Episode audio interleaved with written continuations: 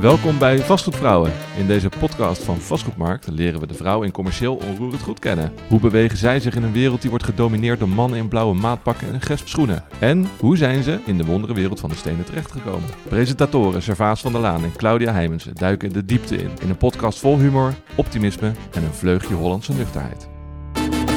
Welkom bij een nieuwe aflevering van Vastgoedvrouwen. Mijn naam is Servaas van der Laan, ik ben hoofdredacteur van Vastgoedmarkt. En naast mij zit Claudia Heijmenten, ontwikkelaar bij Provast. Welkom allemaal. We hebben weer een uh, ja, hele leuke aflevering vandaag. Een interessante aflevering met uh, Nicole Maarsen. Uh, tot voor kort directeur vastgoedbeleggingen bij Sinterus Achmea Real Estate and Finance. Een heel interessant gesprek. Want waar gaan we het over hebben vandaag? Nou, we gaan het sowieso hebben over hoe gaan we nou eindelijk zorgen voor betaalbaar wonen voor iedereen. En beleggen nieuwe stijl. Ja, dat klinkt goed. En we hebben ook nog een scoop in deze podcast, want we gaan eindelijk horen wat Nicole hierna gaat doen en waar ze mee bezig is. Dus dat belooft een goede podcast te worden. Ik heb er zin in. Ik heb er ook zin in. Ja, want wij zitten vandaag aan tafel met een telg uit de beroemde en beruchte Maarse vastgoedfamilie. Meester-onderhandelaar in de retaildiscussie. De angstgegner voor iedere linkse politicus als het over de woningnood gaat. En zij wist als geen ander de stoffige heren bij de pensioenfondsen massaal aan het duurzaam beleggen te krijgen. Dames en heren, bijna vastgoedvrouw van het jaar 2020, Nicole Maarsen. Welkom. Dankjewel. ja, uh, Nicole, uh, hoe is het met je? Ja, heel goed. Tijd voor inspiratie is begonnen. Ja. Tijd voor tijd om, uh, om eens rustig na te denken over what's next. Ja. Het gaat heel goed. Want de luisteraars weten denk ik wel uh, dat jij uh, eigenlijk net weg bent bij uh, Sinterklaas Achmea. Want jij werkte tot 1 juni, geloof ik. Ja, 1 juni echt actief. 1 en nu actief, nog twee ja. maanden een beetje als achtervang en meedenker. En nu in zwart gat of valt het mee? nee, heel veel tijd voor dingen die ik ook vaker had willen doen. Dus dat is vaak het verhaal. Hè? Als je dan tijd hebt, dan denk je, jeetje, dat had ik gewoon moeten incorporeren in mijn werkweek. Dus veel koffies aan het drinken. Zakelijk en ook privé? Uh, ja, ook privé, maar eigenlijk voornamelijk toch nog wel in zo'n remweg uh, maand. Ik ben heel veel koffies aan het drinken en uh, ja, gewoon inspiratie aan het opdoen en brainstormen, aan het nadenken, what's next. En ben je al helemaal weg? nou, mentaal nog niet helemaal. Ik had nog een afscheid maandag en vorige week. En... Hoe gaat het dan, zo'n afscheid in de coronatijd? Is dat dan digitaal of fit? Of nou, zijn er echte mensen bij? Of hoe ja, werkt dat? het is natuurlijk hartstikke mooi weer. En mooi oh, ja. weer geweest. Dus ik had vorige week met het directieteam en de Raad van Commissarissen een diner. Het was echt, heel, echt wel heel erg leuk. Weet je, als het dan kleiner moet, is het ook persoonlijker. Dus dat vond ik heel leuk. We beginnen met iets heel leuks. Uh, dat zijn namelijk... Duivelse dilemma's. Ja, we hebben de duivelse dilemma's op de agenda staan. Uh, dat betekent dat we jou willen leren kennen aan de hand van tien vragen. Zowel uh, zakelijk als privé, want de luisteraar wil natuurlijk ook iets weten over jou. Mm -hmm. En uh, de vraag is om te kiezen en vooral niet te lang na te denken. Je moet kiezen. En je moet kiezen. Ben je er klaar voor? Yes. Ontbijt of diner? Ontbijt. Bier of wijn? Bier. Provada of de Mibin? Provada. Ondernemerschap of een corporate? Ondernemerschap. Projectontwikkelaar of een belegger? Projectontwikkelaar. Rendement of meer duurzaam bouwen? Meer duurzaam bouwen. Sintres, Achmea of ING Real Estate? Oeh. uh, Sintres, Achmea. Vrouwenquota of meer rolmodellen? Rolmodellen. En uh, vrije marktwerking of juist meer landelijke regie? Vrije marktwerking. Ja. Nou, netjes hè? Netjes. Snel ja. ben benieuwd. Nou, dat bier dat kunnen we beamen, want we zitten hier uh, prachtig uh, bij jou thuis. En je hebt voor jezelf een biertje ingeschonken, dus dat, uh, dat weten we in ieder geval dat die klopt. ja. En voor de rest gaan we natuurlijk ook vanuit dat dat ja. allemaal klopt. Er zat één lastige tussen, Sinterklaas of Mea of ING Real Estate. Waarom moest je daar zo lang over nadenken? Nou, wat, ja, nou, ontwikkelen, daar ligt mijn hart. Ja. maar bij Sintres heb ik ongelooflijk veel mooie dingen kunnen doen door, de, door de duurzaamheidskant daarvan. En de langjarige betrokkenheid bij al die projecten. Dus daarom moest ik echt kiezen. Ja. Lastig kiezen, moet ik zeggen. Ja. En dat ondernemerschap zit jij natuurlijk in het bloed. Ja, en dat kan zelfs in een corporate namelijk. Dat is helemaal waar, ja. Ja, ik kan dus, meedenken. Ja. Bij het uh, laatste dilemma, vrije markt of, uh, of meer regie, koos je duidelijk voor uh, de vrije markt. Ja. We merkten dit ook tijdens het, het, debat dat we onlangs hadden, tijdens de verkiezingen in Den Haag. Toen ging het over de woningnood. En toen hè, was je af en toe echt, uh, echt fel tegen politici die, uh, die die regelgeving vanuit Den Haag uh, verdedigden. Waarom, waarom ben je daar zo fel tegen, tegen gekant, die regelgeving die op de woningmarkt wordt, wordt neergelegd? Nou, kijk, ik denk dat de regelgeving die nu, steeds in de maak is, die is te ad hockerig en te, te bijna reactief.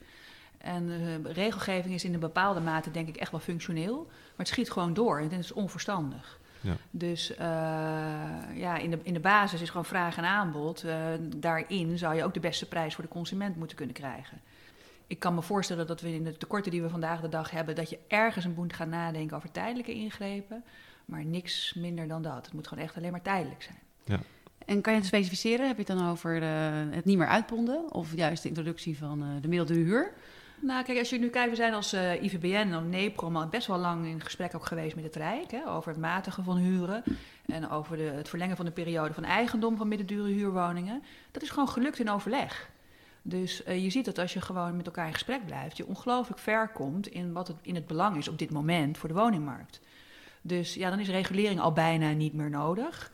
En uh, dus ja, om te specificeren, ik kan me mm. voorstellen dat we dus nu, in de, nu we wat echt wel extreme tekorten hebben, dat je wellicht tijdelijk, uh, maar dan ook echt tijdelijk in de bestaande bouw kijkt hoe je excessen kunt voorkomen. Maar het gaat wel echt om excessen en het gaat niet om de grote markt. Wat is nu, sorry, wat wil jij zeggen, Claudia? Ik wil je niet onderbreken. Nee, zeker niet. Maar die, die regulering die lijkt niet echt tijdelijk. Hè? De 40-40-20-regel of... Uh... Of nou, die opkoopbescherming die eraan zit te komen, bijvoorbeeld, uh, dat kan wel tien jaar duren. Ja, dat kan wel, ja en dat, dat schiet dus door. Dat vind ik te ver. En die gedifferentieerde overdrachtsbelasting heeft ook zo'n doel voorbijgeschoten. Ja, Dus als je daarover in gesprek was geweest met de markt... Dan, en je had dat vertrouwd en je had er naar willen luisteren... Dan, dan had je dat kunnen weten. Maar we hebben, het, al, we hebben het al best wel vaak over gehad. En ik vraag mezelf die vraag ook, uh, ook vaak af. Hoe komt dat dan? Want je had het kunnen weten, de overheid had het kunnen weten ja. als je met een gesprek... maar worden er dan geen gesprekken gevoerd? Uh, willen ze het niet weten? Wat zit erachter? Ja, te weinig. Er wordt te weinig gesproken met de markt, vind ik. Dat kunnen we natuurlijk ook onszelf aanrekenen. Hè? Dus uh, dat, dat zal aan, aan, beide kanten liggen dat er te weinig gesproken wordt. Mm -hmm. Maar je ziet dat die politieke kleuren te dominant zijn in, het, in, het, uh, in de oplossing. Kijk, het is eigenlijk best wel simpel als je macro kijkt. Vraag, aanbod, meer betaalbaar wonen. Koopwoningen worden gesubsidieerd met, uh, via de hypotheekrenteaftrek. Sociale woningen worden gesubsidieerd. Het middensegment wat we nodig hebben, daar wordt eigenlijk uh, nou, wordt wel gereguleerd, maar niet gestimuleerd. En daar gaat dat nu mis. Ja. Dus het is voor mijn gevoel ook soms een beetje onbekend, wantrouwen. Het zit hem gewoon echt, denk ik, ook deels gewoon in het vertrouwen en de kennis verhogen. En hebben beleggers dan ook misschien een beetje de naam tegen in het publieke debat? Hè? Dat het dus makkelijk is om beleggers aan te pakken. Want dan doe je het goed voor uh, het publiek. dat is gewoon populistisch. Ik bedoel, als je een beetje zou doordenken... Hè, en als de ministers onderling ook met elkaar zouden praten... en minister Koolmees die het belang van de pensioenfondsen moet borgen... en minister Ollongeren die die woningmarkt moet stimuleren... dan zouden ze echt met elkaar begrijpen dat, dat, uh, ja, hoe je het zou kunnen aanpakken. Maar die tendens die is een behoorlijk natuurlijk. Hè. De prins is ook behoorlijk weggezet als huisjesmelker. Ja, uh, beleggers worden nu ook in die hoek gedrukt. Ontwikkelaars zijn het sowieso al bij voorbaat. ja. Dus de opinie zit daar best wel uh, dwars. Hè. Ja. Uh, is, dat, is wat jullie dan vanuit die verschillende ja, de maatschappelijke stichtingen, maar ook vanuit Sintes hebben aangepakt? Ja, kijk, daar zijn we natuurlijk heel druk mee bezig. Aan? Ja, tuurlijk. Maar weet je, eh, deels, we moeten ook vooral anderen over ons spreken in plaats van continu jezelf verdedigen. Maar ik merk, weet je, ik zit in een aantal doorbraakteams. En als je daar uitlegt dat je net als corporaties, hè, het gemiddelde termijn waarin je als pensioenfonds een belegging houdt ook 30 jaar is, dan begrijpt men het ineens dus uh, dat je er echt voor de hele lange termijn in zit. En dat je dus wil sturen op kwaliteit. En dat je betaalbaar wonen überhaupt al hebt afgesproken met, met, met, het, met het Rijk. de, de huurprijsverhoging is gewoon langjarig nu inflatie plus CPI plus 1. Weet je, daar, moet je nog, daar moet je ook onderhoud van kunnen plegen en van kunnen verduurzamen. Dus zodra je de gelegenheid krijgt om het rustig uit te leggen, begrijpt eigenlijk iedereen het. Dus het is voor mijn gevoel het zoeken naar tegenstellingen waar die er helemaal niet zijn. En dat is in grote lijnen volgens mij op de een of andere manier de verkeerde DNA van de politiek. Zou, het, zou het misschien ook kunnen helpen door als de sector keihard die excessen ook veroordeelt? dus dat je ook een keer zegt van die, die, die kleine uh, die, die partijtjes die echt de boel met verkamering of hele hoge huren vragen, dat, we, dat je daar echt afstand van neemt. Dat je zegt, maar dat zijn wij niet. Of doe je dat al? Ja, op zichzelf doen we dat wel. Maar, kijk, maar, maar blijkbaar wil men het op dit moment ook niet horen. Mhm. Kijk, in de winkelmarkt hebben we op een gegeven moment een advertentie geplaatst. Vooral omdat bijvoorbeeld notabene Mona Keizer zei... Nicole, de publieke opinie is wat, uh, wat de publieke opinie is. En wij voeden die ook deels. Ja, dat is in ons belang. Dus uh, be good and tell it. Jeetje, wie in Kunnen we niet gewoon een gesprek voeren? Nou, dan, toen zijn we maar gewoon een advertentie gaan plaatsen. Ja. het gaat die, natuurlijk over pensioengeld en niet over marketing. Dat is natuurlijk een uh, behoorlijke kort door de bocht. Ja, dat is uh, echt zonde. Maar toch ben je het gaan doen. We zijn het gaan doen, want het is echt... Uh, ja, soms het enige middel wat je hebt. En hoe vind je de discussie nu gaan in de stad? Er wordt weinig gebouwd. corona krijgt verwijten. De tenders worden niet uitgeschreven bijvoorbeeld, want het land ligt plat. Ik zag wel veel vergunningen dat er in het begin van het jaar werden, zijn uitgeschreven. Dus dat is goed nieuws. Ja, dat is zeker goed ja, nieuws. Het gaat de goede kant op, kennelijk. Ja, nou ja, ik vind je kunt bescheiden zijn of trots zijn. beide vind ik twee uitersten die niet goed zijn. Weet je, de stad Amsterdam, maar ook de G5 eigenlijk. We bouwen veel te weinig. En dat is vanuit het perspectief van al het kapitaal dat beschikbaar is, bouwen we te weinig. En vanuit het perspectief van, het, van de vraag naar woningen bouwen we veel te weinig. Mhm. Dus uh, ja, dan heb je een, eh, een, grondwet waarin de overheid moet zorgen voor het stimuleren van de woningbouw. Nou, dat doet men dus te weinig. Want geld is er en vraag is er. En toch hebben we een oplopend woningtekort. Nou, die en waar zit het dan in?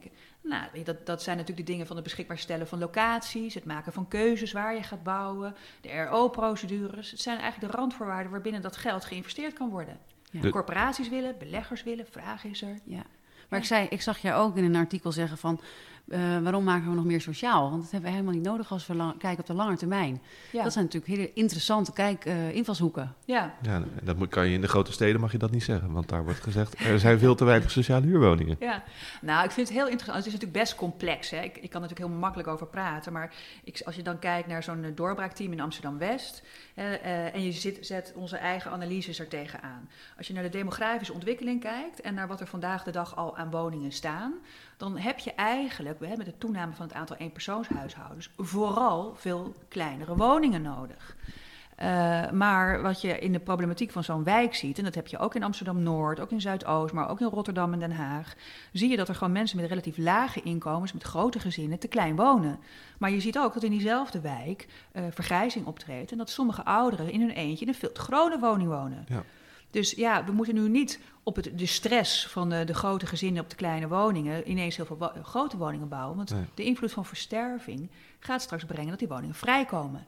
Maar moet je nou wachten op versterving? Of kan je niet in die wijk tot, tot uh, de swapfiets, de, de, ja, ja. de swapwoning komen? Ja, ja. ja. en, uh, ja, nou ja, of daadwerkelijk het ruilen van in zo'n buurt. Ja ja, ja. En, en, veel meer dus op dus, buurtniveau reguleren. In plaats van overal een dus bepaalde deels, regulering op Deels een mismatch eigenlijk. Hè? Dus de, het is een tijdelijke mismatch. Ja. Het is echt een tijdelijke mismatch. En die kan je volgens mij in zo'n wijk proberen op te lossen... door de mensen met elkaar in contact te brengen... van hoe je tot woningruil kan komen. Want de ouderen gaan die woning niet uit... omdat ze gewoon de toekomst niet zien van waar ze dan moeten wonen. Ja. Ja, een leuk gedachte-experiment is dat het eigenlijk, je zou het super transparant moeten maken. Als je elke verhuisbeweging uh, of intentie transparant zou maken, dan zouden mensen heel makkelijk met elkaar als een soort digitaal platform zou zijn. Ja. Dat zou uh, ideaal zijn, maar goed, dat is er niet. Wat gaat er misschien wel komen? Ja. Uh, misschien ga je dat wel doen nu. Uh, misschien ga je dat wel bouwen. Hè? Ja. Weten we niet. We gaan er uh, later in de podcast achter horen wat jij gaat doen nu. Mm -hmm. Toch, Nicole? Mm -hmm. Nou, mm -hmm. wel een tipje van de sluier. Oh, een tipje van de sluier. Kijk, gaan we toch nog nieuws maken vandaag. Dat zou mooi zijn, ja. We zijn natuurlijk een heel nieuwsgierig daarnaar. Uh, een ander onderwerp wat jij heel erg uh, dicht bij je hart staat, is uh, duurzaam wonen. De, ja, duurzaam beleggen of ja, ja, zeg gewoon duurzaamheid in zijn algemeen. Duurzaamheid in een algemene zin. Nou heb ik dat ook heel lang gedaan bij Jones Lane Sal. Veel verduurzamingsopvragen. Maar toch was vaak de vraag, ja Klauw, worden dan die woningen of die kantoren beter verduurzaamd hè, en uh, beter verhuurd? Uh, hoe zit het met jou als je naar kijkt wat je gedaan hebt? Hè? Introduceren van heel veel uh, ESG-doelstellingen. Mm -hmm. En waar zit die intrinsieke waarde voor jou om het te doen? Nou, weet je, ik, ik heb op een gegeven moment ergens een soort... Het was een podcast hè, gezien over de economy for the common good. En dat stimuleerde heel erg het denken van ja, als je dan toch iets doet, kan je dat dan niet doen vanuit de, eh, het beter doen voor iedereen in diezelfde keten. Je kan woningen maken, maar je kan ook woningen maken vanuit een urgentie of een behoefte. Nou, als je zo'n podcast of zo'n idee ergens ziet, uh, zo heb je ook die Kate met die donut economy. Weet je, je hebt allerlei van dit soort ideeën, waardoor je eigenlijk getriggerd wordt om na te denken hoe je hetzelfde beter kan doen.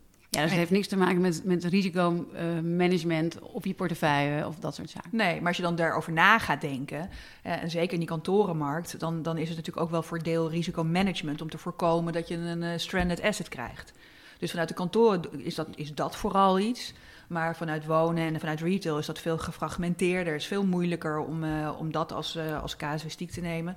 Maar gaat het veel meer over gewoon een inclusieve stad. Hè, als je het over wonen hebt. Een, een stad voor iedereen, die doorstroming. Dus als je er eenmaal over na gaat denken hoe je iets op een manier kan doen, dat je er ook gelukkig wordt, ook gezond wordt, uh, dat je ook mensen met een lager inkomen een goede kwaliteitswoning kan geven, dan zie je ineens best wel veel oplossingen die heel relatief dichtbij zijn. Ja. En dan kan je ook niet meer wegkijken. Was dat, was dat moeilijk om dat uit te leggen bij, uh, bij bijvoorbeeld pensioenbeleggers? Uh, ja, nou in beginsel wel. Maar als je het heel simpel maakt, dan, dan, voelt zo iemand zich ineens ook heel persoonlijk aangesproken en verantwoordelijk. Maar ook is de oplossing dichtbij. Hoe maak je dat dan simpel? Nou ja, weet je, op een gegeven moment, ja, Nicole, uh, impact beleggen en dat soort dingen. Weet je, maar hoe dan? Ja, waar heb je het over? Ja, ik zeg, nou ja, je zou bijvoorbeeld bij elke woning die leegkomt kunnen zeggen, bij elke mutatie in het hele jaar, 20% van de woningen die leegkomen gaan we verhuren aan mensen met een afstand tot de woningmarkt. Of gaan we verhuren aan een, uh, de, altijd maar... De Arbeidsmarkt, of... Nee, woningmarkt. Dus hebben bijvoorbeeld mensen met een te lage inkomen... of die niet aan die, aan die inkomenstoets kunnen voldoen. Of leraren of brandweermannen, waar we het dan allemaal over hebben. Je kunt je dat tot doel stellen... dat je niet gewoon aan de bovenste de wachtlijst bijvoorbeeld gaat verhuren... maar dat je heel goed nadenkt over wie wil ik in deze wijk hebben en waarom. En voor wie is dat moeilijk om hier te wonen. En mag dat dan ook ten koste gaan van rendement? Uh, het hoeft vaak niet eens ten koste te gaan van rendement. Dus, en dat is vaak de, de mismatch. Het, weet je, als je gewoon vanuit een doelgroep gaat nadenken. Weet je, een, een, een huur van 800 euro, daar kunnen heel veel mensen voor uh, een goede woning voor huren. Dus dat is helemaal niet zo, zo lastig. Alleen, er zijn een aantal doelgroepen die gewoon niet aan bod komen. Door de inkomenstoets bijvoorbeeld. Nou, dan moet je zo'n pensioenfonds meekrijgen dat je de inkomenstoets weglaat. Ja. ja, ja en dat is niet op zichzelf niet heel moeilijk. Ik vind het wel interessant dat je het zegt, want uh, er wordt al heel vaak nog gezegd: hè, duurzaamheid is duur. En uh, nou, vaak wordt toch gezegd, nou, de regelgeving verandert. Dus we moeten wel, hè, de energielabel wordt anders, anders mag je niet meer verkopen. Heb je veel weerstand uh, als je in de sector om je heen, als je dit, uh, agendeert? Nou, in beginsel was het natuurlijk inderdaad wat jij ook zegt. Maar als je dan rekensommen gaat zitten maken... Kijk, uh, we hebben het over huurregulering. Maar hoe kan je nou echt de woonlasten verlagen? Dat is door te verduurzamen. Kijk, en dan ben ik wel blij. Weet je, bij Sintes Achmea hebben we dan een aantal uh, pensioenfondsen die daar echt op willen voorlopen. Die daar ook van zeggen van nou, dat kost misschien wat, is leergeld. Uh, dus we hebben een aantal hele mooie portefeuilles mogen verduurzamen, daar veel van kunnen leren. En dan zie je dus ook dat je bepaalde woningen die je van een F-label, naar bij wijze van spreken, naar een C-label brengt. En dat de woonlasten echt substantieel verlaagd worden per maand. Ja. En dan is het moeilijke in wiens portemonnee Precies, komt ja. dat. Ja. Nou ja, dat, dat is dan voor een heel groot deel dat de investering toch bij de huurder terechtkomt. Dus dat is nu nog lastig. Maar je zult zien dat dat straks in onze waarde terugkomt.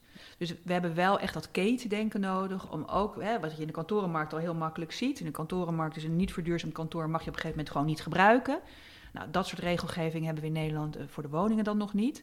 Maar je gaat het straks wel zien in de, in de wederverhuurbaarheid of ja. Nou ja, in huurderstevredenheid. Ja, er, er, is een gasverbod toch per 20, uh, 2050, is toch ver weg? Maar het komt op ons af. komt er wel aan. Ja, ja. het internet. Dan pakken we het eventjes, uh, het gesprek even, dan gaan we totaal over iets anders hebben. Want iets uh, wat natuurlijk vorig jaar is gebeurd, weet je nog, Nicole, dat jij net niet vastgoedman of slash vrouw van het jaar. Dat is een beetje raar natuurlijk, maar in, als je had gewonnen, was je vastgoedvrouw van het jaar uh, geworden.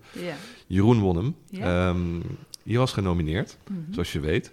En ik heb nog even opgezocht uh, wat de criteria en waarom je was genomineerd. Uh, Dus daar, daar, werden, daar, werden, dingen genoemd in het rapport als zichtbaarheid.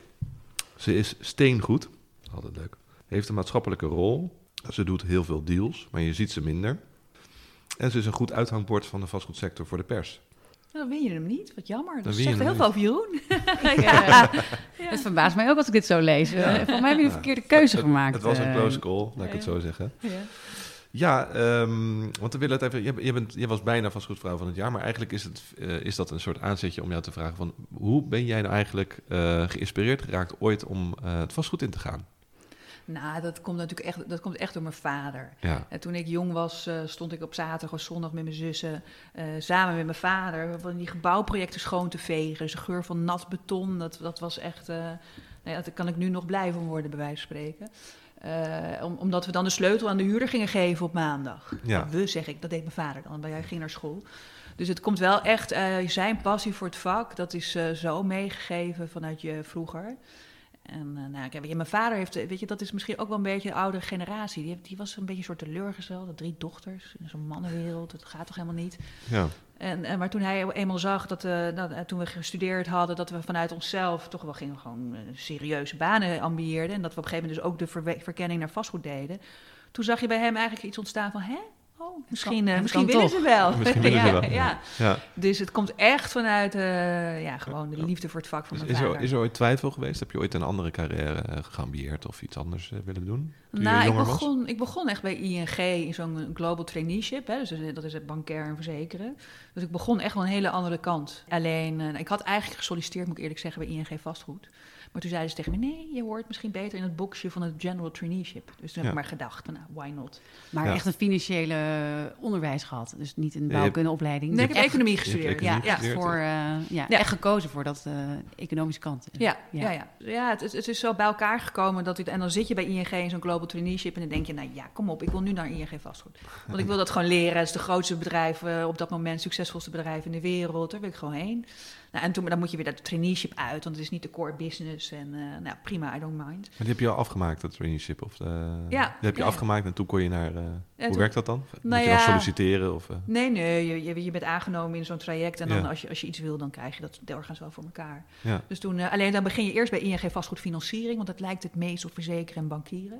Nou, daar was ik best wel snel klaar eigenlijk, want de financieringskant is continu wat kan niet en wat zijn de risico's. En, Welke tijd was dit?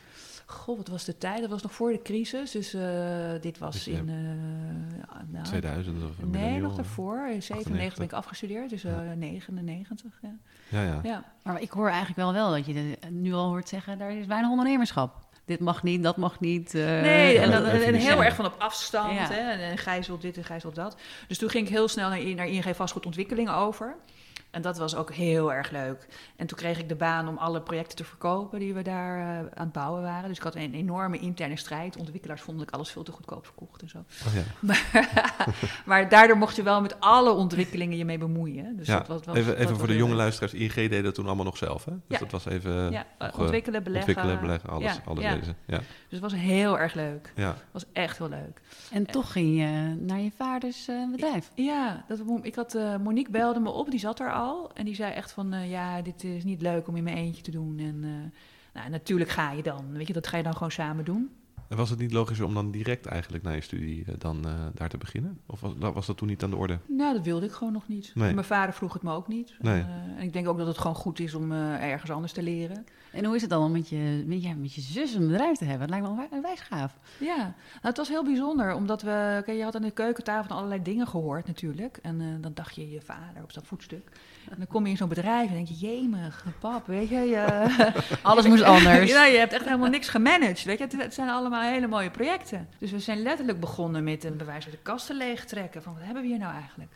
En je had natuurlijk het vak geleerd hè, bij, bij ING. Dus je Ja. dacht van, ik ga de boel hier eventjes uh, aanpakken. Nou, en Monique zat er al, dus dat hielp heel goed. Hè? Ja, ja. Dus we zijn echt begonnen met uh, goed weten wat we nou hebben, goed weten wat we wilden.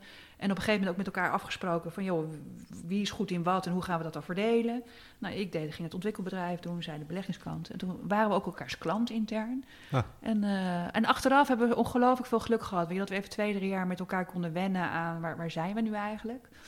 Het is best een uitdaging. Weet je, natuurlijk heeft je vader naar, naar jullie idee of naar ons idee alles goed gedaan. Maar dat was natuurlijk ook niet waar. We, we, zaten best wel in veel B-kantoren en uh, oh my god, best wel spannend. Ja, Ja. En, toen, en toen kwam die crisis en toen, oh my god. En toen hebben we met z'n tweetjes echt uh, best wel met het hele team wat er al zat, gewoon best wel uh, nou, stevige tijden doorgemaakt. Maar dat first project is natuurlijk waanzinnig. Hè? Dat die Ja. uh, iconen op het station van uh, Rotterdam. Ja, maar in een moeilijke tijd. ja. En, maar heel groot voor jullie ook. Dus Ja. het lijkt me waanzinnig interessant om daar iets van te horen. Ja, het was onwijs leerzaam. Weet je, wij zeiden wel eens, het heeft alleen maar door, door oranje gereden. Alle rode stoplichten hebben meegepikt. We kochten het en toen moesten we de financiering afnemen. Toen was net de Lehman Brothers gevallen. Ik weet nog het weekend. My god, weet je wat? Oh my god. We hadden drie uh, belegger of drie uh, banken en één trok zich terug. Dus dat was even heel spannend. Nou ja, oké, kom je doorheen, heb, hebben we opgelost. En toen gingen we ontwikkelen. Nou, toen uh, krijg je je eerste huurder, maar dan staan er wat concurrenten op. En die gaan echt strijden. En die kennen ons plan wel, maar wij kennen hun plan niet. Toen kwam er een, in Rotterdam kwam er zo'n erfpachtregeling die dan ineens onze concurrent heel sterk maakte. Dus nou ja, zo zijn we continu door ontwikkel- en verhuur- en financieringshobbels gesprongen. Maar ja, uiteindelijk is het gelukt. En, uh, en dat was wel heel spannend natuurlijk. nou, dan gaan we naar uh, deel 2 van de podcast. En dan beginnen we met de vraag van onze vorige uh, gast. Oh ja. Uh, Karin Glas. Ja, ik denk dan toch dat ik uh, aan haar zou vragen hoe zij aankijkt tegen die twee kanten van vastgoed. Namelijk vastgoed als financieel product en vastgoed als deel van de maatschappij. Mm ja, een moeilijke vraag. Het is beide. Natuurlijk is het beide. En hoe ik daar tegenaan kijk, is dat het ook beide moet blijven. Ehm, kijk, iedereen die, uh, die gespaard heeft, moet de mogelijkheid hebben om een woning te kunnen kopen. Waarom? Omdat het uh, sparen is voor een goed pensioen. Dus vanuit de particuliere kant is het gewoon een, uh, een financieel product. en daar is niks mis mee. Uh, vanuit het investeringskant is het ook een financieel product. En daar is wat mij betreft ook niks mis mee. Omdat je de grote schaal uh, krijgt van betaalbaar wonen. Mits je maar locaties hebt om te bouwen. Uh, ik vind dat het een financieel product moet kunnen zijn. Omdat we daar voor ons pensioenvermogens gewoon heel goed in kunnen investeren. Heel prudent. Hè? Ik bedoel, de, de, de, er zijn helemaal geen excessen die je daarin kan maken op dit moment. Dus ik vind het een, met recht een financieel product. Maar, en dat is de andere kant, als je zo'n gro zulke grote tekorten hebt, zoals we die vandaag de dag hebben, dan is het wel heel erg belangrijk dat er ook wel degelijk voor de mensen die een woning niet kunnen kopen of die met, met inkomen zitten die, die in feite te laag zijn om in de vrije markt te, te kunnen huren, dat je daar wel woningen voor beschikbaar hebt. Dus de maatschappelijke kant van wonen. En wonen is zo belangrijk. Hè? Ik bedoel, de basisnoodzaak van voeding, opleiding, uh, zorg ja. en wonen daar hoort wonen met recht bij. Ja, het is een eerste levensbehoefte. Ja. Het wordt, maar het ja. wordt door veel politici vaak uh, gezegd: het is een eerste levensbehoefte en dus geen belegging. Het is een eerste levensbehoefte en dus zorgen ja. voor woningen voor mensen die het niet zelf kunnen, kunnen organiseren of die het moeilijk zelf kunnen organiseren. Ja, helemaal mee eens. Ja. Maar het is ook een, een, een, net als voeding en onderwijs, daar kan je ook in kiezen. In woningen moet je ook kunnen kiezen. Wil je huren? Hoe wil ik huren? Wil ik kopen? Waar wil ik wonen? Hoe wil ik wonen? Mm -hmm. Het is natuurlijk ook gewoon een vrij product. En dus een hele goede beleggingscategorie. er zijn mensen die zeggen van nee, dat is zo belangrijk, dit moet helemaal door de overheid worden eh, georganiseerd. Maar ik denk nee. niet dat je daar groot voorstander van Nee, dat is, dat is echt onverstandig. Ja. Maar vrije marktwerking, dat, dat was jouw keuze hè, in plaats van landelijke regie. Anderzijds hoor ik je zeggen, als er maar locaties zijn. Ja. Hoe creëren we dan die locatie? Waar vinden we die?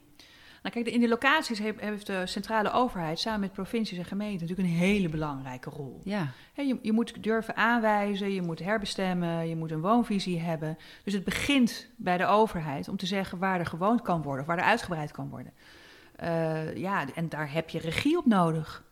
Dus ja, zonder regie geen, uh, geen nieuwbouw.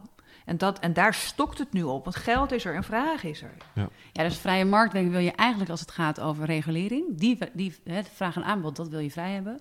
Maar meer locaties aanwijzen, dat zou, zou een oproep zijn naar Den Haag. Ja, en daar ben ik, te regelen. Maar daarbinnen kan je nog steeds vrije marktwerking hebben. Ja. Hè? Als het maar helder is dat we daar gaan bouwen. Maar ja. kom je dan bij Phoenix uit, zeg maar? Dus de, de, uh, het echte locaties aan, grootschalige locaties aanwijzen? Nou, persoonlijk vind ik, weet je, zeker als je naar de vraag kijkt en je wilt natuurlijk gewoon vragen gestuurd beleggen en ontwikkelen, dan moet je zeker randstedelijk bouwen. Mhm. Mm -hmm. Kijk, en uh, de verdichting in, binnen de steden is gewoon heel lastig. Het democratisch proces maakt het heel langdurig. Maar randstedelijk is er zoveel mogelijk. Dus Finex misschien een beetje hier en daar, mm -hmm. maar niet als oplossing. Nee. nee. En iedereen wil naar de stad toe, dus uh, of ga jij wel weer Iedereen naar, wil naar de stad? Ja, de, nou ja, het, mensen zeggen allemaal corona, we gaan lekker allemaal naar Friesland. Maar ik denk toch dat iedereen volgend, na de zomer lekker weer naar kantoor wil, of moet. En dan moeten we toch in de stad wonen. Ja, ja, ik heb daar wel een theorie over. Dat is eigenlijk dat we hebben die afgelopen decennia natuurlijk een trek naar de stad gehad. Maar die stad is best wel vol geraakt. Uh, maar eigenlijk denk ik dat we in Nederland te bekrompen naar de stad kijken. Het is natuurlijk gewoon een stedelijk gebied waarin we wonen. Ik denk dat er veel, best wel veel mensen even net die stad uitverhuizen. Maar dan kom je nog steeds in een stedelijk gebied terecht. Want als ja. je een beetje uitzoomt, zie je gewoon dat iedereen vrolijk in de Randstad uh, woont. En of dat nou ja, Amstelveen of Haarlem of uh, net erbuiten uh, is. Maar de metropoolregio is natuurlijk wel Dat wordt dan gezegd, die mensen gaan de stad uit. Maar eigenlijk blijven ze, ik bedoel, ze kunnen nog steeds op de fiets naar, naar Amsterdam. En uh, weet je, je, kunt, je bent niet echt de stad uit. Dus nee. ik denk dat het een soort ouderwets beeld van de stad is. Nederland is zo mooi, klein, gelegen. Alles ligt zo lekker dicht tegen elkaar.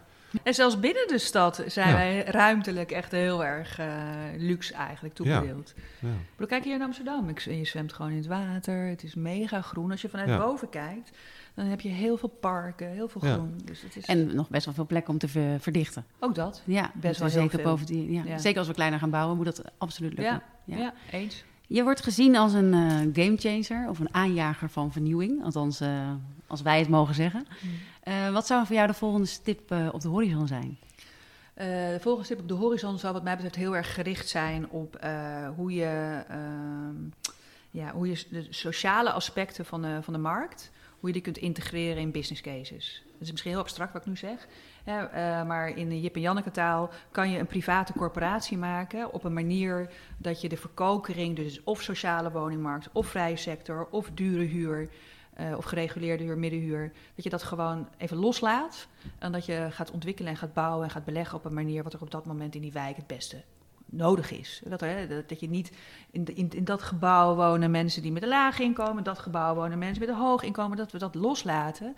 En dat we naar hele flexibele huursystemen gaan en dat we met hele andere huurdersrelaties omgaan. Uh, ja, dat, dat is wat mij betreft de volgende stap in het sociale aspect van maatschappelijk verantwoord beleggen. Uh, dat is volgens mij politiek zo'n beetje de wens die men heeft. Uh, dat is qua kapitaal nog niet georganiseerd, want je bent of een corporatie of een pensioenfonds. En wat ik nu zeg zit eigenlijk daartussenin. Dus ik heb het idee dat, we, dat er de ruimte voor de toekomst echt heel erg zit op impact beleggen, om daar maar een populair woord voor te Mhm. gebruiken. Eigenlijk een soort nieuw, nieuwe, nieuwe belegger wil je eigenlijk. eh, Een eh, impact fund starten. ja. Ja, ja, Wat, wat hier eh, zijn verantwoordelijkheid neemt. En dan ga je dus wel echt die gamechanger weer zijn. Want dan ga je wel proberen om bijvoorbeeld hè, een, een bepaald gebouw een, gemiddelde huur te, te nemen als vertrekpunt. Maar mhm. mensen met een hoger salaris betalen de markthuur. En mensen met een lager salaris krijgen het verschil. En bedoel je dan ook zoals dat in Parijs gaat? Op een gegeven moment eh, ga je meer verdienen. Dus dan verschuif je vanzelf van sociaal naar middelduur of vrije sectorhuur. Ja. Het is niet zozeer vastgoedgebonden, maar veel meer Nee. persoonsgebonden. Is Ja. dat een oplossing Mensen, die je daarin ja. ziet? Dat is een oplossing. En kijk, wij, wij, wij zijn nu heel erg aan het, volgens definities van, eh, van, van huurniveaus aan het praten. Maar misschien moet je gewoon met elkaar in gesprek gaan van wat is affordable housing rela- gerelateerd aan het percentage van je inkomen. Kijk, dan moet je natuurlijk wel verzekerd zijn als je heel veel verdient, dat je niet echt excessief veel huur gaat betalen. Er moet wel een cap qua markthuur zijn. Ja. Maar het- model daartussenin is volgens mij het model van de toekomst.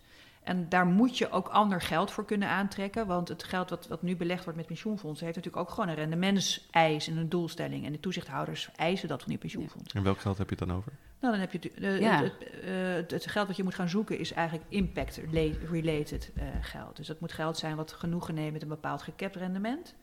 eh, om uiteindelijk het, het overrendement bewijs terug te geven aan de community. Maar niet zozeer beleggersgeld, een lange termijn, maar zeker ook niet de, de investeren voor de korte termijn. Nee, Dus voor, de, voor echt, echt totaal investeren anders. voor de hele lange termijn. Maar bij wie Ja. komen, aan wie denk je dan? Nou, ik denk uiteindelijk dat institu institutioneel kapitaal hier ook Ja. naar aan het zoeken is. Hè. Heel veel mensen zijn aan het zoeken naar een impactmandaat. Wat kan impact beleggen nou zijn in de, in de, in de vastgoedmarkt? Nou, ik denk dat dit dat kan zijn. Hè. En dat je dus met elkaar een basisrendement afspreekt, wat iemand sowieso krijgt. Maar dat je met elkaar het gesprek gaat voeren dat als je meer rendement maakt dan het basisrendement, wat je daarmee doet. In plaats van dat automatisch aan de, aan de aandeelhouders geven, zou je een deel daarvan kunnen geven aan de stakeholders of aan de huurders of aan andere mensen. of dus de een- verduurzaming oppakken. Dus is Ja. een fundmanager zonder winstoogmerk? Is dat Eh, ja, of een beperkt winstoogmerk. beperkt? Ja. Je bent geen charity, hè, dat, want dan krijg je ook gewoon geen geld. Dat hoeft ook helemaal niet. Nee? Ja. Maar je spreekt met elkaar af dat een bepaald rendement gewoon genoeg is. En ehm, zou je dit zelf willen opstarten? Of ga je eh, eh, mensen daarbij eh, vragen? Of ben je nou. daarom zoveel koffie aan het drinken overal? nee, nee ik, ik ben in contact gekomen en eh, daar ben ik een soort, eh, hoe zeg je dat, een, eh, een, eh, ik ben met een start-up en die heet Home.earth. Ja. En eh, samen zijn we aan het kijken hoe we, hoe we dit tot een, eh, tot een bedrijf kunnen maken. Ah, kijk eens aan. Ja, Ja. en eh, nou, dat vind ik een hele interessante zoektocht. Want ik zie dat het politiek gewoon een, het momentum is. Ik zie dat het aan de, aan de fundingskant eigenlijk ook een zoektocht is. Nou, je zou het kunnen samenbrengen. En dat is een internationale start-up? Eh, Of Ja. is het een... eh, en Ja. wat, wat, wat, wat doen zij precies? Nou, wat we dus willen doen is eigenlijk wat ik nu net zeg. Hè. Maar Het zij is- bestaan al. eh, ja, we- eh, ja, het eh, Home.earth heet het. Ja. En dat bestaat En zij al. doen wat jij eh, Ja, ja. net hebt beschreven. Ja. Maar, op, maar andere steden, Berlijn Nou, ja, maar we zijn, echt, we zijn nog aan, aan het beginnen. Ja. Dus, de- dus het idee is er. Ja, dat snap ik. Maar Ja. ik ben wel Ja. benieuwd. Ja. Home.earth. Ja, dat, nee, dat is gaan een. we allemaal even googelen nu. Ja. nee, dat zit, eh, het is eh, begonnen in, eh, bij NREP in, eh, in Denemarken. NREP is Ah. een hele mooie ontwikkelaar, een Deense ontwikkelaar. En eh, Finland, Nederland, De- Denemarken en Duitsland, dat zijn de, de vier startende landen eigenlijk, Hm. waar, eh, waar we dit idee zouden willen introduceren. Dus we zitten met allemaal eh, verschillende mensen hierover na te denken van, en hoe, weet je, hoe je dit kan, het beste kan starten. Kijk, en ik ben zelf betrokken geraakt bij Hout. Dat is een ontwikkeling met, met de CLT. Dat was destijds heel erg nieuw. Pensioengeld vond het op dat moment nog Heel veel te spannend. spannend. Mhm. Nou, het was heel leuk in mijn tijd bij Achmea die innovatie dus eigenlijk te institutionaliseren. Hè, nu denken ze, zegt alle pensioenfondsen, kom maar door met dit soort uh, projecten. Nou, dankjewel. Ik denk dat we met uh, Home Earth door een vergelijkbare fase heen moeten. Iedereen begrijpt het idee, iedereen begrijpt het product wonen. Iedereen begrijpt ook dat je op, op een gegeven manier toch affordability op een andere manier eigenlijk concreet moet kunnen maken. Dus we begrijpen het, maar ja, dus of het al institutioneel is, dat vraag ik me af. Dus ik, maar het is wel grappig, want je, je, je, gaat eigenlijk van een institutionele belegger naar een start-up. Ja, en nu moet je precies het omgekeerde gaan doen. Je moet nu een start-up gaan professionaliseren... in plaats van dat je eigenlijk een start-up cultuur... een beetje binnen uh, een institutionele belegger wilt gaan uh, brengen. dat is de omgekeerde uh, opdracht. Dat is de nieuwe uitdaging die ze voor de volgende vier jaar aangaat. En we hebben, we hebben nieuws in deze podcast. Hè? Dus, leuk. Interessant. En disrupting. Nou, we kunnen stoppen. Dat is wel een beetje het toverwoord natuurlijk. Hè? Ik heb er wel een vraag over, want we hebben het nog steeds over geld en beleggers. En, maar die eindgebruiker, die, we, we, denken altijd dat, ze, dat we weten wat ze willen. Uh, is er ook een rol voor hun? Want het crowdfunding, waar we het net over hadden, is natuurlijk wel iets wat je steeds meer ziet. Mm uh, komt in, die, uh, in dat nieuwe bedrijf, als het gaat om impact beleggen, kan zo'n consument meedoen? Nou, juist, dat is het idee. Het is heel erg dat we, naar, dat we willen werken aan een andere relatie met je huurder. Dat de huurder eigenlijk het gevoel krijgt dat hij eigendom heeft. Uh, en dat is, dat is zoeken, dat is ook per land verschillend. Kijk, uh, het begint met, natuurlijk met een soort hybride huurmodel. Dat, je, dat je dus op die manier met elkaar een ander gesprek voert als huurder. Maar kijk, in Nederland ben je eigenlijk al per definitie een soort tegenstelling met elkaar. De, de, de, de huurdersrelatie en verdersrelatie, omdat je begint met allerlei inkomenseisen. Uh, dus nee, we willen echt beginnen met een hele andere huurdersrelatie. We willen ook de community building, bij wijze van spreken, dat hele aspect willen we anders starten in zo'n wijk. Uh, dus ja. de huurder krijgt een, een, rol met bijvoorbeeld de inrichting van zijn eigen huurwoning.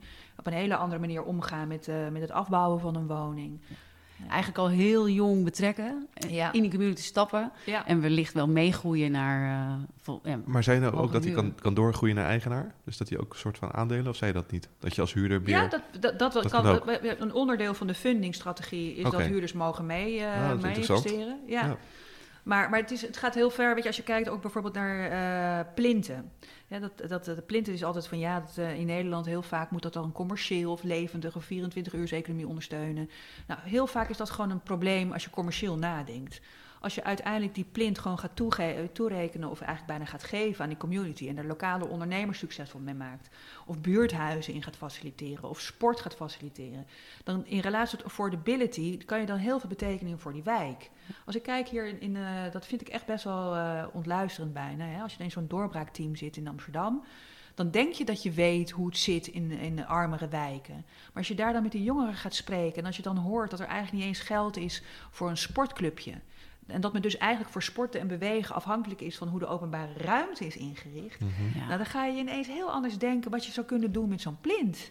Ja. ja, maar dan moet je wel beginnen dat je er niet even 300 euro per meter aan gaat zitten toerekenen. Nee, dat uh, kan niet uit. Nee, want je zag nee. op een gegeven moment de, de, de, wasbar opkomen en in de tenders mocht je wel iets doen. Maar het is inderdaad wat je zegt, uh, we doen het vooral voor het winnen van de tender, bij wijze van spreken. Ja. Terwijl het een, ja, de maatschappelijke waarde die jij schetst veel groter is. Ja. En, ja, en het begint dus met daar gewoon ook niet mee rekenen en dus een ander lager rendement accepteren.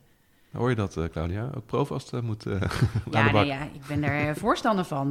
want ja, nou ja, goed. Van een sportschool. Nou, ik, ik, ik, mag daar ik mag er iets over zeggen, maar we maken we een fantastische woontoren. En dan zeggen we de community en mensen moeten elkaar vinden. En dan uiteindelijk komt daar gewoon een, een supermarkt of iets anders standaard. En uh, er komt helemaal geen koffiecorner waar iedereen nee. gaat werken en elkaar treft. En dat vind ik heel jammer. En dan, uh, ja, wij hebben natuurlijk de rol, het gaat uiteindelijk naar een belegger en die mag dat weer bepalen. Maar ik zou daar heel graag, jij zegt gewoon, ja, dat, dat toevoegen, dat je echt impact maakt en voor zo'n stad. dat komt, zeg je, omdat de belegger uiteindelijk toch alleen naar het geld kijkt. Nee, dat denk ik niet. Dat, denk ik, dat, dat begint bij het begin. Uh, die, die waarde is al in het begin toegekend. Ja, aan de grond. Ja, en aan, de, grond. aan de grondprijzen, ja, precies. Dus daar de, de, wederom ook een rol voor de overheid. Dat je daar, uh, dat je, dat je daar in snel in een vroeg stadium over zou moeten praten. Maar daarom denk ik ook echt, weet je, het is niet de, weet je, de pensioenfondsen van nu, hè, die, die, ja, dat is ook het toezicht waar, waar ze onder staan, dat ze een bepaald rendement moeten maken. En daarom denk ik ook echt dat, dat er momentum is nu voor impactmandaat. Dus echt waarmee je ook van tevoren afspreekt dat het een gekapt rendement heeft. Ik vond uh, tijdens dat debat toen opperde Leslie Bamberger wel iets interessants. Laat nou, er zijn natuurlijk ook heel veel spaarders in Nederland met, uh, die gewoon een, een, normaal rendement willen. Die hoeven niet uh, 20% rendement. Dat is ook wel interessant om die in het fonds uh, mee te nemen. Ja. Heel veel uh, ja, relatief vermogende Nederlanders. wat moet je met je geld? Je krijgt Ja. er niks voor bij de bank. Ja, ja en dat, is, dat, zullen we dus na de zomer echt moeten uitwerken. Hè? Van ga je nou eigenlijk beginnen met, met, eh, met privaat geld, hè? Wat, wat, wat, wat institutionele eisen nog niet heeft en die wet Nou. en regelgeving nog niet al boven zich heeft hangen. Maar mensen die dit idee steunen en, en ja, dit dus gaan omarmen. En dan later institutioneel eh, geld toevoegen om de schaalbaarheid eh, te vergroten. Dus dat is een beetje de zoektocht. Weet je, waar begin je het meest succesvol? Nou, beleggen is enorm in opkomst gekomen. Ook onder vrouwen trouwens, afgelopen jaar tijdens corona. Ja, ik las het. Eh, dus volgens mij is dat wel een, om- ja, ook een oproep naar onze luisteraars om eh, eens na te denken of het eh, spaargeld niet naar jou toe kan. Hoe komt dat, denk je? Dat het zo, eh, sowieso door corona volgens mij, dat eh, beleggers zo populair is geworden. Maar ook onder vrouwen, hoe komt dat? Ik denk dat eh, steeds meer vrouwen wat eh, interesse hebben in het zakelijke vak. Ja. En, eh, en de behoefte om naast het werken, je bent niet alleen maar in dienst van iemand, maar daarnaast ook andere dingen te doen. Ja. En eh, dat kan je dus, ja, die impact kan je ook maken voor jezelf dus. Ja. Met financiën. Ja. Wellicht een leuk bruggetje naar het volgende onderwerp.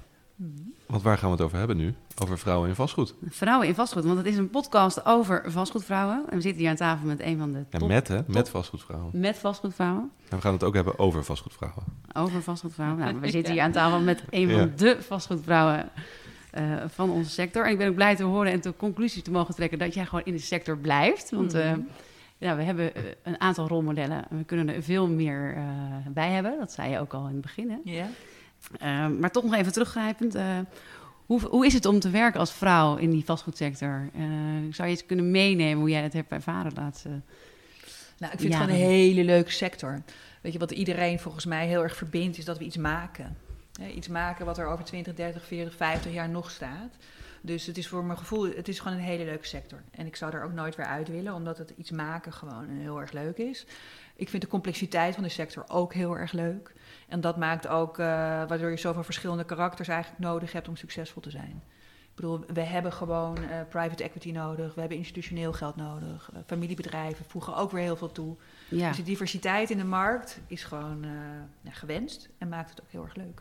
En diver- diversiteit binnen het bedrijf. Eh 62% man, eh 38 vrouwen en 23% management vrouwen bij jullie bij in de top. Ja, Eh, volgens mij een mooi voorbeeld. Ja, dat is niet zeker. slecht, toch? Eh, heb jij daar ook eh, zelf voor gezorgd in jouw tijd bij de verschillende bedrijven die we ja. de revue hebben gepasseerd? Nou, toen ik vier jaar geleden bij Achmea kwam, was het management echt eh, practically all male. En, eh, en iedereen was voor mijn gevoel toch wel 50 plus. Nu ben ik zelf net 50 geworden, dus ik heb daar geen waardeoordeel over. Maar het was wel heel erg nodig om anders denken te brengen. En nog niet eens om een waardeoordeel te hebben over de mensen die er zaten, helemaal niet. Maar je moet gewoon dingen anders willen doen en dan moet je ook andere, andere denkers er aan toevoegen. Dus we zijn in de afgelopen vier jaar heel langzaamaan echt heel erg verjongd en heel erg veranderd. Maar daar kijk je dus echt naar bij de selectie van kandidaten. Want Ja. het, het argument is altijd nee, het moet om de kwaliteit van een persoon gaan. En, en, eh, wat iemand is verder, dat maakt niet zoveel uit. Maar daar ben je het niet mee eens. Eh, nou, nu kies je een andere insteek. Hè. Eh, het is elke, elke functie die er was of die ik kon, kon invullen, had gewoon een speciale vraag. Ja. Kijk, ik moet heel eerlijk zeggen, toen Angelica, Angelica op de post van waar ze nu zit, hmm, ik hou van eh, onderhandelen met aannemers en bouwers. Zij wordt dan de, de baas daar binnen. Gaan we met z'n tweetjes, gaan we lekker onderhandelen in die mannenwereld. Is dat nou zo handig? Nou, why not? Ja, dat gaan we gewoon doen. Dus het is wel dat je elke keer weer een beetje nadenkt over wat zou de samenstelling van het team dan zijn. En is dat Ja. wel optimaal? Ja, Dus het is elke keer, weet je, en Annemarie hebben we ook aangenomen. Eh, nou, daar was ik heel, een vrouw dus ook, hè, eh, ook nieuw, ook van buiten. Ja, dat was, zij was ook gewoon de beste. Had eigenlijk niks met man-vrouw te maken. Ja. Maar, eh, het maar kwam je- wel goed uit dat ze ook vrouw was. nou, het is wel leuk, ja, Ja. dat je er naar, weet je, we zijn natuurlijk wel naar gaan zoeken. We hebben het bij de search wel meegegeven. Het zou wel lullig zijn als jullie niet met goede vrouwen kunnen aankomen. Ja, ja. Daar begint het uiteindelijk Ja, ook, toch? Als je die vraag ga je het niet krijgen. Maar je, bent, je bent niet voor vrouwenquota. Nee, Want daar dan ben ik krijg je ze voor. per definitie natuurlijk. Hè? Ja, dan- nee, ik Maar vind het een beetje treurig dat dat nodig is eigenlijk. Dus ik, ik ben een beetje, ik wil niet meebewegen met iets wat ik treurig vind dat het nodig is. nee. vind, jij, vind jij het nodig, vrouwenquota? Nee, maar wat toen eh Karin zei, ja, het gaat maar niet snel genoeg. En zij gaat natuurlijk nu met pensioen. Dus, eh, Ja. Nou ja, dan denk ik, ja, jij kan het, kan het zeggen. Ik, eh, ik zie gelukkig heel veel dames van de TU Delft afkomen en ook nu landen. Ik zie ze ook wel verdwijnen na tien jaar. Ja. Eh, dus voor mij zit het niet, het zit daar, zit daar wel iets. Hoe komt dat? Eh, ik ben niet zozeer van het vrouwenquota. Ik hou niet sowieso niet van de regeltjes. En ik hou van Waar- ondernemerschap waarom daarin. verdwijnen er zoveel vrouwen uit vastgoed? ja, weet je wat ik zelf vind? Dat heb ik ook bij Achmea gezien. Kijk, als je, dat was ongelooflijk grappig. Dan heb je zo'n functie dan komen er drie mannen solliciteren, komen er drie vrouwen solliciteren. dan zie je echt het verschil in zelfvertrouwen, hoe je jezelf verkoopt. Ja, en daar kunnen vrouwen denk ik toch nog wel wat van leren, maar daar kunnen mannen andersom ook wel wat van leren. Want dat gewoon een beetje jezelf verkopen zonder toelichting of, of bewijs, dat werkt natuurlijk ook niet. dus uh, daar kunnen ze goed in. Ja, en dan kunnen ze gewoon dichter bij elkaar komen, denk ik. Uh, dus ik, mannen die solliciteren bij vrouwen, die krijgen dit voor zich, want daar kijk je gewoon doorheen. Maar vrouwen die solliciteren bij mannen, die kunnen wat van hun bescheidenheid of onzekerheid gewoon even thuis laten. Kijk, en dat vond ik zo leuk aan die podcast ook met Karin. Ik ben ook heel erg zo opgevoed. Ik kan het niet, ik heb het nog nooit gedaan, maar ik kan het dus wel. Als ik het nog nooit heb gedaan, ga ik het toch leren. Ja. En, uh, en dat vind ik zelf, weet je, voor mij geldt heel erg, uh, ik ben gewoon nieuwsgierig en dat brengt mij, dat brengt mij waar ik vandaag ben. Leuk. Het is helemaal geen rode draad in mijn werk eigenlijk. Hè. Ik ben steeds toch wel een beetje andere dingen gaan doen zonder dat je dat nou logisch zou kunnen vinden. Maar nu achteraf terugkijken, denk ik, hè, wat leuk eigenlijk. Hè? Ik heb in allerlei asset gewerkt voor allerlei typen geld. En dat heb ik alleen maar kunnen doen omdat ik gewoon nieuwsgierig was en niet bang om ergens de mist in te gaan. Dus dat is een goede tip voor uh, misschien dat er nog jonge vrouwen en mannen luisteren. Als je maar nieuwsgierig bent en altijd wil blijven leren, dan uh, kom je, heel kom je iedere keer weer een stukje verder. Ja. ja. ja. En heb je dan, je hebt er dus daar nooit uh, tegenstand of uh, nadeel van ondervonden dat je vrouw was of zo in het vak? Nou, weet je, laten we eerlijk zijn. Ik ben, ben redelijk vaak benaderd vanuit het vlak van ja, of je was de excuustruus. Of uh, van, nou ja, we moeten er een vrouw bij. Nou, dat is die excuustruus. Of uh, zeker toen in de tijd van nog wel heel veel generatieverschillen... dat ze echt dachten, moet dit nou? Ja. Maar dat voel je, dat zie je. Maar dan is het voor mij bijna een uitdaging. Ja. Dus als je gemiddeld, uh, en dat weet je, ik ben nu ook 50, maar toen, toen ik 30 was, toen kwam je dus heel veel mannen van 50 tegen. En toen waren de vrouwen echt nog wel te zoeken. Dan moet je, ik heb daar maar een sport van gemaakt gewoon. Dus je ziet het als een uitdaging. Ja. Heer, heerlijk. Dit. Ja. Heb, je, heb je nog meer tips? Dit soort tips, want dat is natuurlijk fantastisch voor die, voor die vrouwelijke luisteraars. Ja, ik vind ook alles niet te serieus nemen. Ja, nee. dat is, dit, is gewoon. Ja, en je hebt toch ook een klein beetje geluk gehad, denk ik. En dat klinkt misschien een beetje stom, maar uh, dat je geen broers uh, hebt. Want mag ik dat zeggen? Want ja. uh, ik, we hebben vastgoedman van het jaar voor Jeroen was da Daan van de Vorm. Ja. En die, daar had ik ook een heel leuk interview mee. En hij, zijn vader, ehm, die zei altijd van ja, geen rokjes aan tafel.